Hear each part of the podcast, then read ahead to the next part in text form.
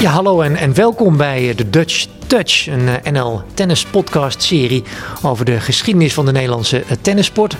Naast mij eh, zit Marcella Mesker. Maar niet alleen Marcella zit naast mij, ook nog onze, onze hoofdgast. En dan hebben we het over een speelster uit de jaren 90 die destijds werd geroemd om haar goede service en messcherpe volleys. Ze is de zilveren medaillewinnares in het dubbelspel bij de Olympische Spelen van Sydney. Mirjam Oremans, welkom bij onze podcast. Dankjewel. Hartstikke leuk.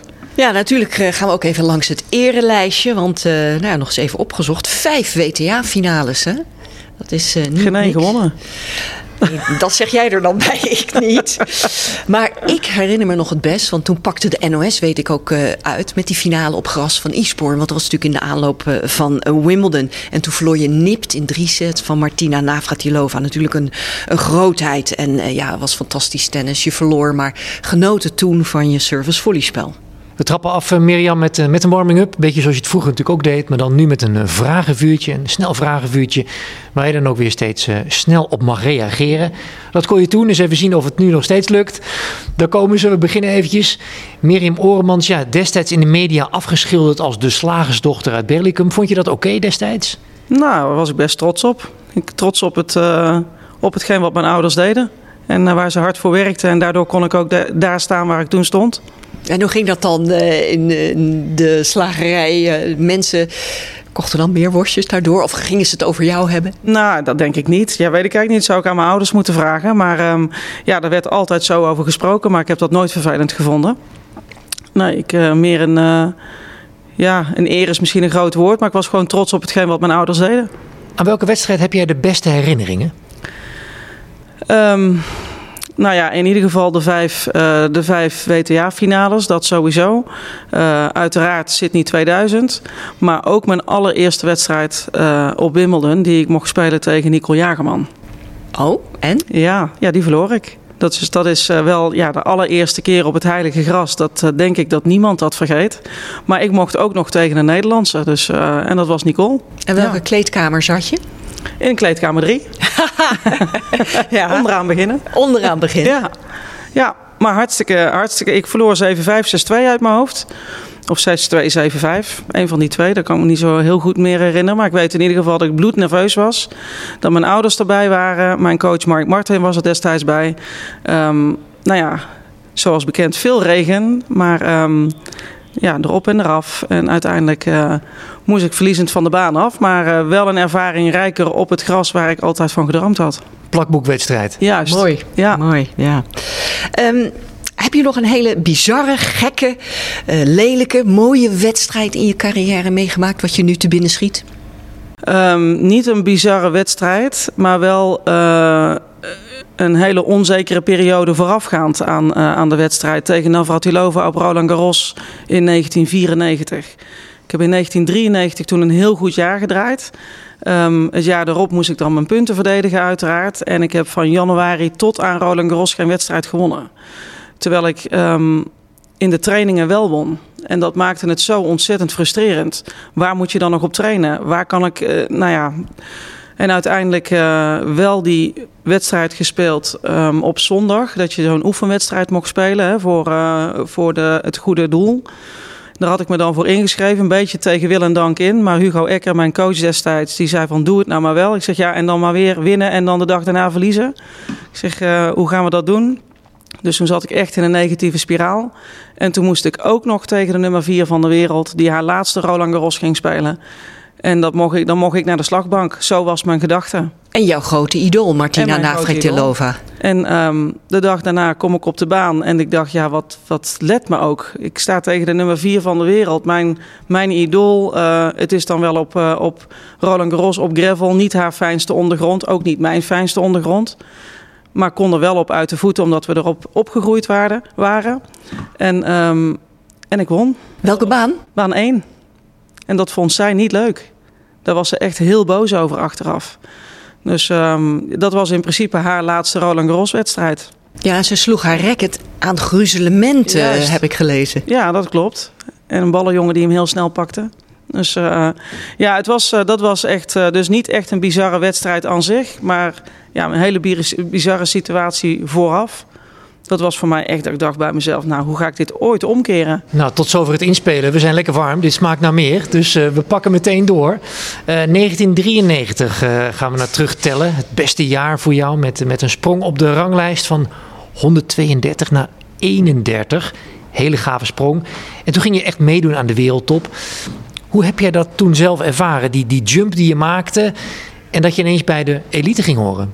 Um, het jaar daarvoor maakte, um, maakte ik samen met Stephanie Rotier de keuze om de overstap te maken van de KNLTB training naar uh, de tennisorganisatie van Hugo Ecker. In combinatie met de tennisorganisatie van Mike Martin, waar ik echt al als klein meisje ben begonnen. Um, die combinatie moest kloppen, zodat niet de een dit zegt en de ander dat. Um, en op een of andere manier heeft um, die klik met Hugo in combinatie met, uh, met Mike ervoor gezorgd dat, uh, dat er iets anders uh, speelde in mijn hoofd. Ik mocht destijds bij de KNLTB, werd er heel veel getraind op geen fouten maken. Dus daar heb ik een hele goede basis neergelegd op de baseline, laat ik het zo maar noemen. Um, en Hugo zei tegen mij als eerste: Ik wil dat je fouten gaat maken. En toen dacht ik: Oh, ik mag fouten gaan maken, wat is dat dan? En dat is wel de ommekeer geweest. Eén zin eigenlijk. En een andere manier, een andere aanpak van, uh, van Hugo destijds qua trainen en dat soort dingen. Maar als je weet dat je geen fouten mag maken, dan ga je eigenlijk nog relaxter op de baan staan. En een fout maken is dan niet erg. Daar hangt je leven niet vanaf, zeg maar. Dus um, dat heeft voor mij zeg maar, de doorslag gegeven. Nou, en dan is in eerste instantie de, de doelstelling top 100 halen dat jaar. En die had ik volgens mij na Australië bereikt. Um, nou ja, dan ga je iedere keer je doelen verleggen. En het einddoel voor dat jaar was eigenlijk top 50. Maar uh, na Wimbledon stond ik volgens mij 25 zelfs. Wauw. Dus um, ja, dat is in zo'n stroomversnelling gegaan. En dan maak je een nieuwe doelstelling top 20. Die heb ik jammer genoeg nooit kunnen halen. Ja. Maar hoe was dat tussen die grote namen tennissen? Uh, werd je ineens geaccepteerd? Um, uh, je ging met ze trainen. Uh, voelde dat meteen al comfortabel? Nee, dat voelde heel ongemakkelijk in het begin. Um, omdat ik ja, ik kom net kijken. Niemand kent me. Ik was de enige op dat moment die klaar was met school. En dus alleen met Stem Franke, de toenmalige bondscoach, op pad mocht. Nou, dat vond ik een eer. En, um, maar ja, die gooide mij gewoon voor de leeuwen. Dus uh, ga maar met Barbara Paulus trainen. Top 10 van de wereld op dat moment. Jeetje, wat gebeurt hier allemaal? Maar dat was dan nog echt in de beginsituatie. En um, ja, omdat hij dat deed, raakte je er wel meer aan gewend. En een tough cookie als coach, Stanley Franker. Zeker, maar heb ik ook ontzettend veel geleerd. Wat vond je er tough aan? Um, ik vond er eigenlijk uh, alleen maar één ding lastig aan. En is dat hij altijd bezig was met... Um, ja, dat je enorm fit moest zijn. En daar was ik het mee eens. Alleen ik heb altijd moeite gehad met mijn, mijn lichaamsgewicht op peil te houden. En daar was hij heel streng in. Uh, en ik denk net iets te streng. Maar dat doet niks af aan alles wat hij daaromheen voor mij gedaan heeft en betekend heeft in de positieve zin. Als ik dan een smetje zou moeten noemen, is dat voor mij wel een smetje geweest. Ja. Het smetje dat je, dat je moeite had met het gewicht of met, uh, met hoe, hoe, hoe daarmee om is gegaan? Nou, beide. Want daar, daar werd ontzettend op gelet. Dus um, dan is dat best wel lastig als dat er eigenlijk uitgefilterd wordt continu. Um, buiten het feit dat er andere dingen ook gebeuren die uh, heel goed gingen. Dus als dat het enige is en je focust alleen maar op dat, dan, um, ja, dan is dat voor een jonge vrouw, zeg maar, die nog steeds in ontwikkeling is, is dat best lastig. Ja. Is dat misschien ook de reden dat je uh, later ook met je eigen bedrijf als voedingsdeskundige, uh, Be Fit for Life, uh, heb je opgericht, dat, je, dat je daarin in terecht bent gekomen omdat je daar zelf ervaring mee hebt? Ik denk het wel. Ja, dat is een van de redenen geweest. Niet alleen omdat je het leuk vindt om te doen, omdat je het leuk vindt om mensen te helpen, maar omdat je ook ervaring hebt met hoe je het niet moet benaderen. Je herkent de prikkel als geen ander. Ja, ja, en dat is, dat is echt heel vervelend. En ik weet niet of jullie het programma op Nederland 3 ooit hebben gezien van um, gouden medaillewinnaars um, die ergens in een kasteel zitten en dan hun verhaal naar elkaar doen. Mm -hmm. Nou, de allereerste keer dat dat uitgezonden werd, was het um, Leontien van Moorsel die daarin zat. Lichterlee, de, de wielrenster, baanwielrenster. En uh, uit mijn hoofd dacht ik, Kim Lammers, dacht ik. Alle drie goud gehaald, maar alle drie mega gestruggeld met, met hun gewicht. Nou, reken maar dat ik met tranen in mijn ogen voor de tv zat te kijken. En je groot feest de herkenning. Ja, ja, en dat is denk ik, dat is de reden waarom ik ermee ben begonnen. Ik, uh, ik geef dan uh, mede training voor de tennisorganisatie van Mike Martin. En uh, direct ook tegen hem gezegd dat ik die opleiding ging volgen. Van? Leg nog even uit precies. Opleiding als gewichtsconsulent. En uh, een, een jaaropleiding is dat. En uh, waar ik in de basis gewoon kinderen, maar ook gewoon uh, mensen en sporters kan begeleiden om de juiste basisvoeding zeg maar, tot je te nemen. En dat je daar al ontzettend veel mee kunt bereiken. Kijk, en ga je dan verder in de sport, dan moet dat nog gedetailleerder uiteraard. Maar um, dat wilde ik van jongs af aan bij de kinderen die bij Mike dan trainden, wilde ik dat meegeven. Ga alsjeblieft niet um, maar twee keer per dag eten omdat je jezelf te zwaar vindt of zo. Dus um, dat is wel een van de redenen waarom ik ermee ben begonnen.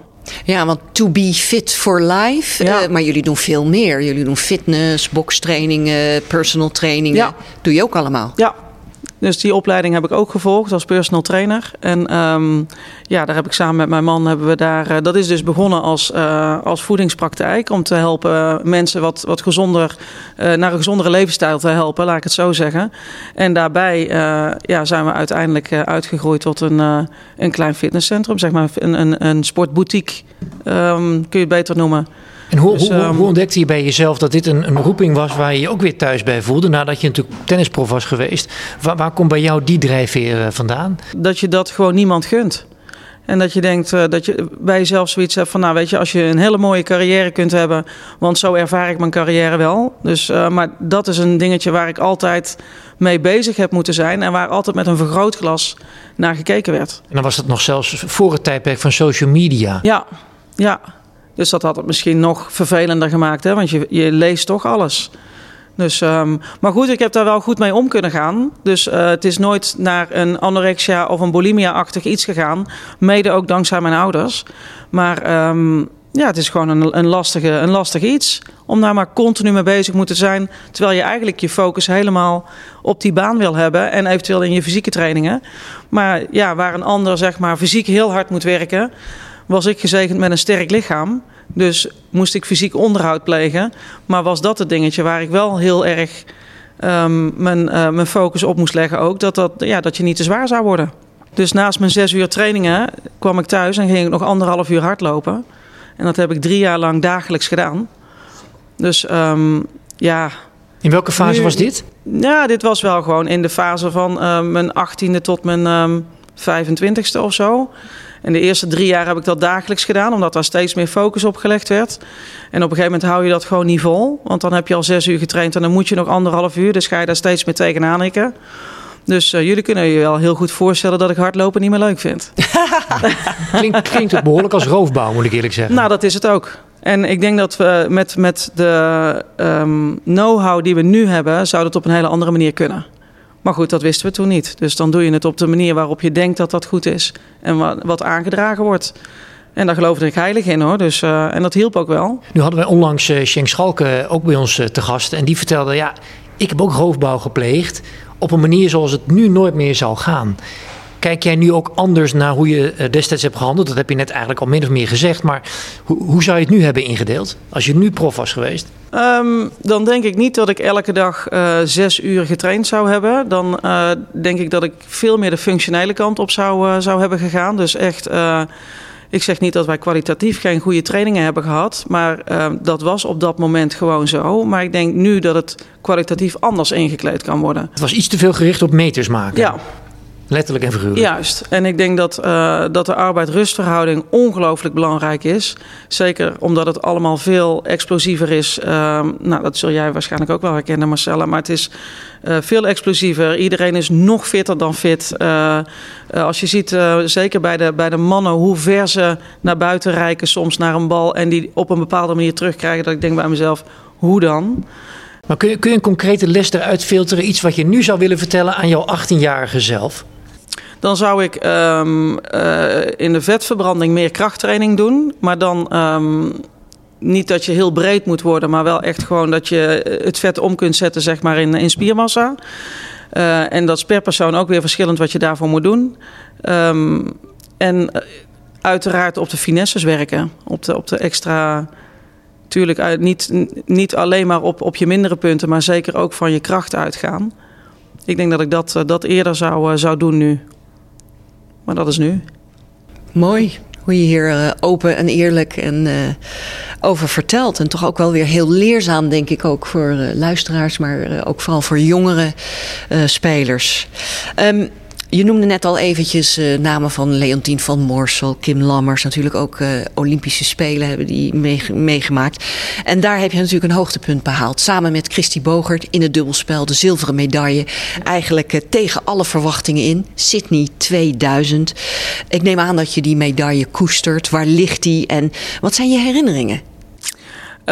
de herinneringen die begonnen vooraf. Dus die, uh, daar, dat is wel een dingetje wat, ons, eh, wat op dat moment voor ons heel, heel lastig was. Voor beide kanten. Ik spreek nu over um, een play-off die wij moesten spelen tegen uh, Manon Bollegraf en Caroline Vis. Om uit te gaan maken wie naar de Olympische Spelen mocht in Sydney. Terwijl Christy en ik het jaar daarvoor eigenlijk hadden gekozen om onze partner, des, de, destijdse partnerships op te geven. Ik speelde met Appelmans en zij speelde met Sperlea. En wij hadden zoiets ja, we willen echt wel graag naar die Olympische Spelen. Maar Caroline en Manon stonden boven ons in de ranking. Dus wij hadden zoiets van, nou, als we dan samen gaan spelen... hebben we een jaar lang samen kunnen spelen... resultaten hopelijk kunnen neerzetten... en ons kunnen kwalificeren om in ieder geval een ticket te kunnen bemachtigen. Ook aan de toenmalige bondscoach gevraagd van... hoe staat het er dan voor? Hè? Van, stel dat, je, dat wij ons alle vier kwalificeren waar ga je dan voor? Hè? Hebben wij dan meer kans omdat we samen spelen of maakt dat niet uit? Nee, zegt hij, dan heb je wel meer kans om, als je samenspeelt om, uh, om dan uitgezonderd te worden ten opzichte van de andere twee. Heel strategisch waren jullie bezig? Ja, om, om de beste, nou in ieder geval de grootste kans te maken, laat ik het zo zeggen. Maar Manon en Carolien stonden boven ons. Dus um, als hij daarvoor gekozen had, dan was dat voor ons niet vreemd geweest, omdat ze hoger stonden en zich ook gekwalificeerd hadden. Mm -hmm. Alleen omdat hij dat tegen ons gezegd had, waren wij een partnership begonnen. En um, zijn we gaan trainen en uh, zijn we samen gaan spelen. En gelukkig de resultaten kunnen behalen om ons te kwalificeren. En uh, toen kreeg ik een telefoontje toen ik op vakantie was dat, ik, uh, dat we een play-off moesten spelen. En toen was ik not so amused, zeg maar. Toen was ik echt heel boos. Doen ze gelukkig ook niet meer, want het is natuurlijk eigenlijk belachelijk. Ja, nou ja, toen moesten we dus inderdaad een best of three spelen. En die hebben we gespeeld bij het VU in Amsterdam, op de hardcourtbanen daarachter. Zonder publiek? Uh, nee, met publiek. Met publiek? Um, ja, de tegenpartij wilde zonder publiek. Ik wilde met publiek, omdat ik altijd uh, naar de Fed Cup en naar al die uh, teamwedstrijden ging er altijd een bus vanuit Berlijke mee. En ik denk, ja, wij kunnen alle support wel gebruiken. Dus die dus, heb je opgetrommeld? Nou, dan mocht. De KNLTB had toen gezegd van nou, dat mag. Dus, um, dus dat, uh, dat gaan we ook doen. Want dan, dan voelt het ook als een, als een echte play-off. En uh, de eerste dag um, was Christy heel erg nerveus. En uh, kreeg geen boterham door de keel. Dus die heb ik echt gezegd van huppatee eten. Want, en die wonnen we. En toen moesten we de dag erop terug. En toen kreeg ik niks door mijn keel. Dus toen kreeg ik van Christy een lading. En nou ja, uiteindelijk wonnen we die. En toen hadden we ons ticket. Dus toen mochten we naar, uh, naar de Olympische Spelen. Ja, dat was al fantastisch. was al een overwinning, zeg maar, om daar naartoe te mogen. Maar we hebben daar een goede loting gehad. Dus uh, dat moet zeker gezegd worden. Um, maar in de tweede ronde kwamen we tegen Australië met destijds Dokic en René Stubbs. Maar was geen partnership. Die uh, die dubbelde eigenlijk bijna nooit en Stubbs die dubbelde met Raymond destijds. Maar ja, die partnerships, dat is de reden waarom wij natuurlijk samen hadden gespeeld. Om zo goed mogelijk voorbereid die kant op te gaan. En in de kwartfinale, ja, we wonnen die wedstrijd, was wel onderbroken door de regen. Um, de kwartfinale volgens mij tegen de Thaise dames was ook geen partnership. De halve finale tegen de Wit-Russen was ook geen partnership. Ja, en de echte partnership die we tegenkwamen was in de finale. Dat waren de zussen. En toen werden we afgeserveerd. Venus dus, en uh, Serena. Ja, die waren gewoon echt, nou niet één maat, maar gewoon vele maten te groot. En daar moest echt uh, fysiek met hun iets gebeuren, wilden wij kans maken. Maar um, ja, die zilveren medaille is voor ons goud waard. Een prachtig souvenir waar je duidelijk trots op bent, want ik zie iets prachtigs blinken daar om je nek. Ja, ja die heb ik echt al twintig jaar om. Ja. Ja. De vijf Olympische ringen. Ja, en uh, daar zit op zich ook een grappig verhaal uh, achter. Want ik um, had nog een klein klompje goud uh, thuis liggen. Um, die heb ik ooit in Zurich gekregen van de toernooiorganisatie... omdat ik vijf jaar achter elkaar meedeed. En als dat iemand deed, dan kreeg je een klein klompje goud. Dus dat was al heel bijzonder. En, maar ja, wat moest ik daarmee? En um, toen, heb ik, toen wij de finale verloren, toen heb ik naar huis gebeld tegen mijn ouders gezegd van... goh, ik wil daar eigenlijk wel een ketting van laten maken. Nou, zegt mijn moeder... Ehm, we wachten wel even, want die mensen zijn op vakantie, de juwelier hier. En uh, als je terugkomt, dan, uh, dan gaan we dat regelen samen. Dat is leuk. En uh, toen hadden we de huldigingen. En net voor de huldigingen kregen wij van onze ouders dit, dit, dit kettingje. Dus, um, dus er zitten mooie herinneringen aan vast, absoluut. Laat ik nou denken dat je dat speciaal voor onze podcast even om je nek had gehangen. Die al twintig jaar Al twintig jaar hangt hij daar, ja. ja. Dus ik ben er inderdaad heel trots op. En uh, om terug te komen op de vraag waar is mijn medaille? Die ligt bij mij thuis in de kluis. En een zilveren tennismedaille voor Nederland, erg bijzonder. Je speelde sowieso graag voor Nederland. In de Fed Cup, zoals de evenementen natuurlijk tot voor kort heten. Ja, en je staat toch maar mooi bovenaan de lijst, nog steeds, van de meest gespeelde Fed Cup ontmoetingen. In twaalf jaar tijd, hoe vaak kwam je uit voor Nederland, denk je? Um, ik heb één keer niet gespeeld, denk ik. Het is mijn allereerste jaar geweest. En de rest heb ik gespeeld, denk ik. Ik heb in, uh, moet ik heel even denken, ik ben één keer mee geweest naar Atlanta. Met Brenda, Manon en Nicole. Brenda Schulz, Manon Brollegraf, Nicole Jagerman. En dat is de keer dat ik niet gespeeld heb en daarna wel. Waren er een heleboel 39 keer. Is er eentje die er uitspringt voor jou? Want wij, wij hebben natuurlijk een heel lijstje wel zien staan. Maar hoe heb jij, wat heb jij als, als speelster als meest dierbare herinnering overgehouden aan de Fed Cup? Um, de weg naar de finale in 1997. Dat was een speciale, Ja, want toen wonnen we van, um, van Amerika in Haarlem. En toen was ik hartstikke verkouden. En toen heb ik um, met Fred Hemmers om de tafel gezeten de avond daarvoor. Of twee avonden daarvoor van kun je spelen? Ik denk, oh ja, tuurlijk, ik wil per se spelen. Maar ja, ik weet dat ik niet helemaal fit ben. Maar ik had er op de baan niet zo heel veel hinder van. Ik onderbreek je heel even, want er stonden prachtige kanonnen op de baan. En Mary Jo Fernandez, Chandler Rubin. Ja, die stonden inderdaad op, uh, op de lijst. Maar je moet ook niet vergeten wie de coach was. Vertel. Navratilova. Komt ze weer. En die haalde het beste in mij naar boven. Dat was de prikkel. Ja, misschien wel. En uiteindelijk um, ja, heb ik daar mijn beste tennis ooit gespeeld, denk ik. En um, mochten we naar de rand naar uh, Tsjechië toe. Nou, daar wonnen we ook van uh, waar Novotna toen nog mee, meespeelde. Um, en toen mochten we de finale tegen Frankrijk. En mochten we in de Brabanthallen in Den Bosch. Nou, dat is op een steenworp afstand van waar ik destijds woonde. Uh, dat is echt het meest speciale jaar geweest. We verloren wel van de Fransen. Um, jammer genoeg. Ik denk dat er iets meer in gezeten had. Maar um, dat is wel het meest speciale jaar geweest. Ja. We willen toch iets uitgebreider ook over het vrouwentennis uh, gaan hebben. Het, het vrouwentennis, vrouwentennis van nu, hè? Ja, van nu, mm -hmm. maar vergeleken met, uh, met, met, toen en terugkijkend op je eigen carrière. Uh, ja, zowel op als buiten de baan. Wat zijn voor jou nou de meeste veranderingen? Um, nou, wat mij heel erg opvalt is um, als het gaat om uh, de karakters aan zich. En dan mag je natuurlijk niet iedereen over één kam scheren. Denk ik dat het echt een beetje een ikke, ikke, ikke en de rest kan stikken verhaal is geworden. En um, wat ik net al zeg, er zijn uiteraard uitzonderingen. En die zie ik gelukkig ook. Um, dat is wel ook een van de redenen waarom ik destijds mijn rackets aan de wilg heb gehangen. De cultuur. Um, de cultuur, dat die echt. Uh, ik ben meer van gezamenlijk naar een bepaald doel werken. Ik denk dat dat er minder is op dit moment. En ik denk dat dat juist heel belangrijk is om dat te hebben. Waarom denk je dat het minder is?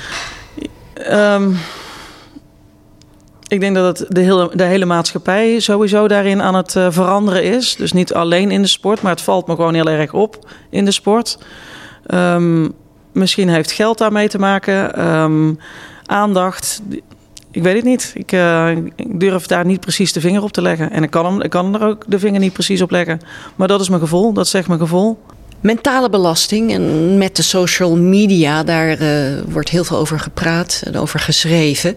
Um, hoe kijk jij daar nu naar? En, en is dat nu veel zwaarder geworden dan vroeger in jouw tijd? Um, als alles gewoon een beetje normaal verloopt en je hebt nergens. Um, ja, je loopt niet buiten de lijntjes of zo, dan denk ik dat je daar niet zoveel last van uh, ondervindt. Maar um, als, er, als je niet precies binnen de lijnen kunt lopen, dan wordt dat natuurlijk ja, breed uit uh, gemeld, uh, zowel in de pers als, als op social media. En als je daar gevoelig voor bent, dan, dan is dat denk ik wel echt lastig.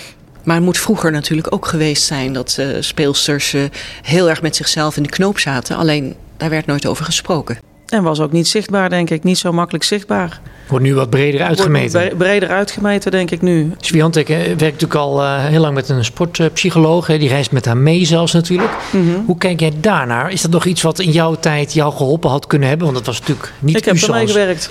Ook op vaste basis? Nou, niet op vaste basis, maar met name in Rosmalen. -hmm. Tijdens het gastoernooi omdat dat mijn thuisbasis was. En um, ik vond het fijn om voor Nederlands publiek te spelen. Maar uh, in Rosmalen, dan kwam echt familie kijken, uh, vrienden, kennissen. Uh, nou ja, een bewijzen van spreken een halve tribune. Ik noem maar even gekscherend getal. Maar um, dan voelde ik wel iets meer, niet, niet per se bewuste druk. Maar ik, er was wel iets. En als hij er was, dan was het er niet. Of nauwelijks. Als hij er maar was. Als hij er maar was. Hij hoefde niks te zeggen. Hij zat daar gewoon met zijn brilletje op zijn, uh, zijn leesbrilletje op zijn neus. En hij zat gewoon zo mooi te kijken. En hij deed af en toe, gaf hij een knikje. En dat was voor mij voldoende. Iga Swiatek, we, we hadden het er net al even over. Hoeveel Grand Slams gaat hij winnen, denk je? Ja, ik voorzie wel veel. Ik uh, weet niet of ze het record zal gaan breken, maar dat is nog niet gebroken. Serena zou dat heel graag willen breken, denk ik, van, uh, van Margaret Court. Maar um, ik denk wel dat haar een hele, hele mooie toekomst bedeeld is. En ik zie ook niemand um, buiten een Barty, maar die is gestopt helaas. Dat was wel voor mij echt een speelster waar ik uh, heel graag naar keek. Um, maar dat was denk ik de enige die het haar heel moeilijk kon maken. Omdat die juist de slagen heeft om haar uit haar ritme te halen. En dat zie ik een ander niet zo snel doen op dit moment. Is het een zegen voor de, voor de vrouwen tennissport? Een, een, een kampioen als Swiatek?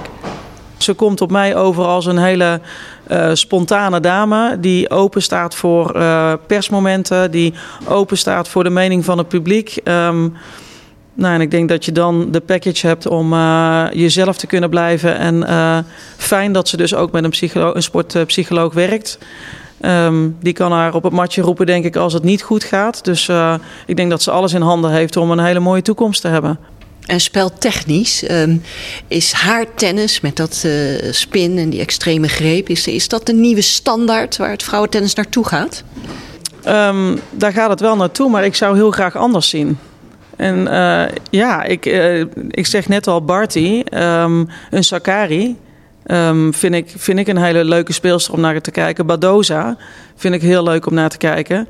Maar voor de rest vind ik het um, nou, redelijk eenzijdig, laat ik het zo zeggen. Er zit niet veel variatie in. En ik hou juist van die variatie. Maar dat is mijn persoonlijke mening, omdat ik daar zelf ook van hield.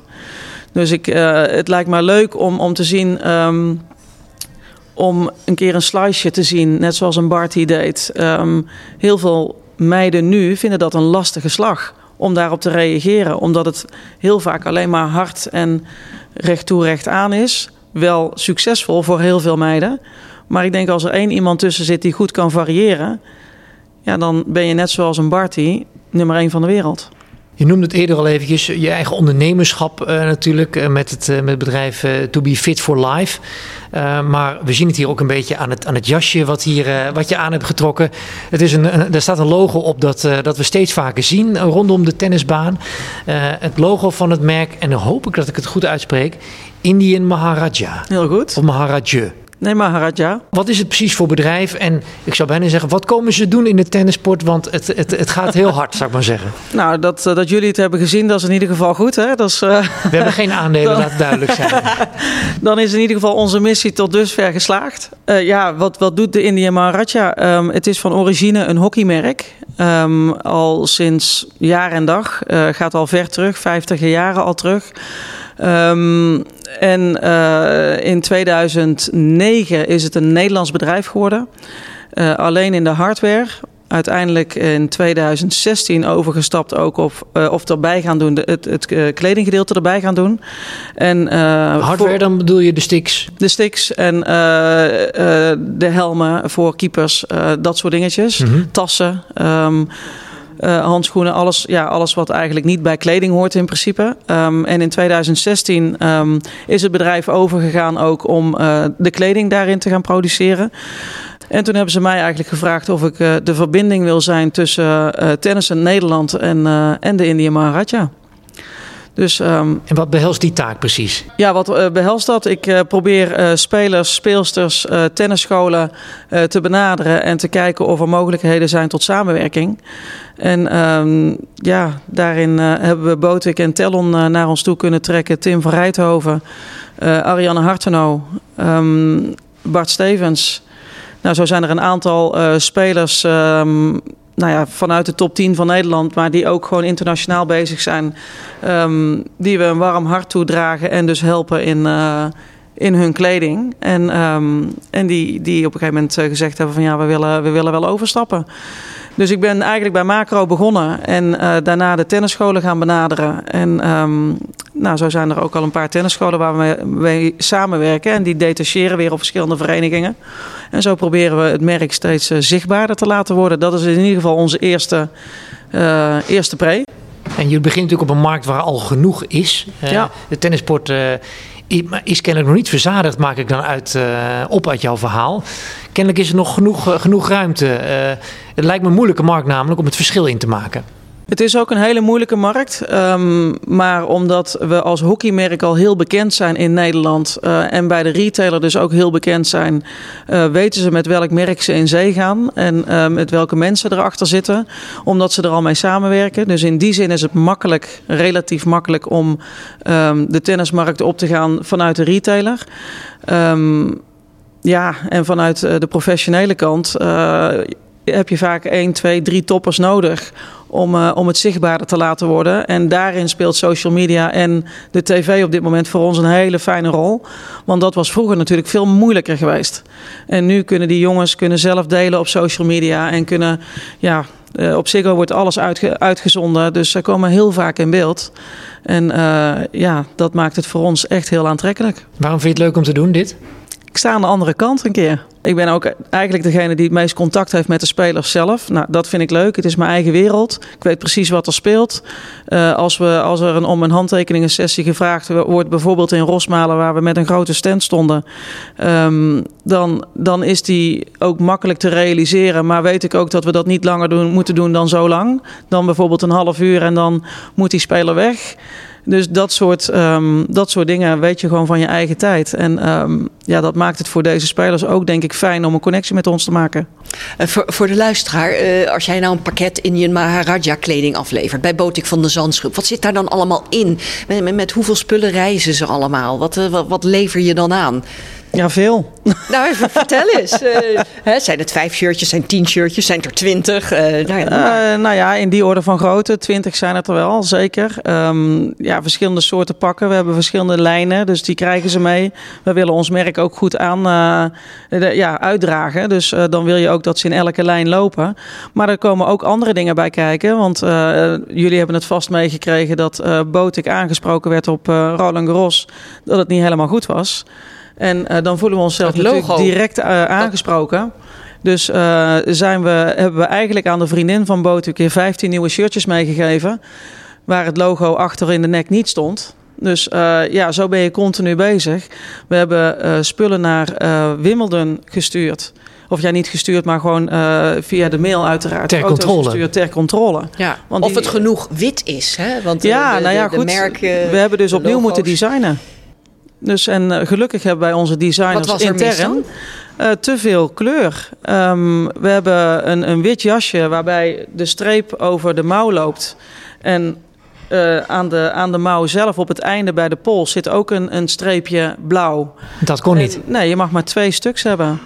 Dus uh, dan moest uh, direct opnieuw uh, een, design, een ander design komen. Ja, dan raak je toch wel redelijk eventjes gestrest. Want dat moet er wel op tijd zijn voordat En waar wordt dat gemaakt? In India? Of, nee, um, dat... merendeel uh, China, maar we werken ook in Italië, um, uh, Turkije, Portugal, Nederland. Uh, we proberen de beste materialen gewoon. Maar oorspronkelijk is het een Indiaas ja, merk, want vandaar de ja, naam. Vandaar de naam, ja.